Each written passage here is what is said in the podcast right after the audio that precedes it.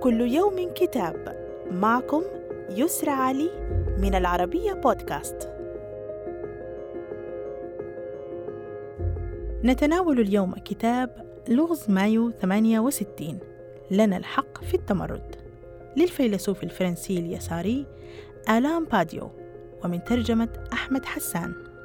يؤكد باديو في هذا الكتاب أن انتفاضة الطلبة والعمال الفرنسيين في مايو 68 شكلت في حينها ظاهرة عالمية تردد صداها في كثير من البلدان من المكسيك حيث المذابح في ميدان عام إلى ألمانيا حيث الهبات الطلابية القوية ومن صين الثورة الثقافية إلى الولايات المتحدة حيث زادت الحركات ضد حرب فيتنام.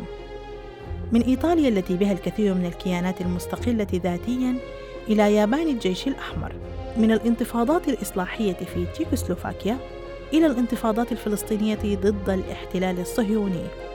كان الشباب في كل مكان يهب ضد العالم كما أعيد تأسيسه في نهاية الحرب العالمية الثانية ليصبح مايو 68 التنويعة الفرنسية لظاهرة عالمية.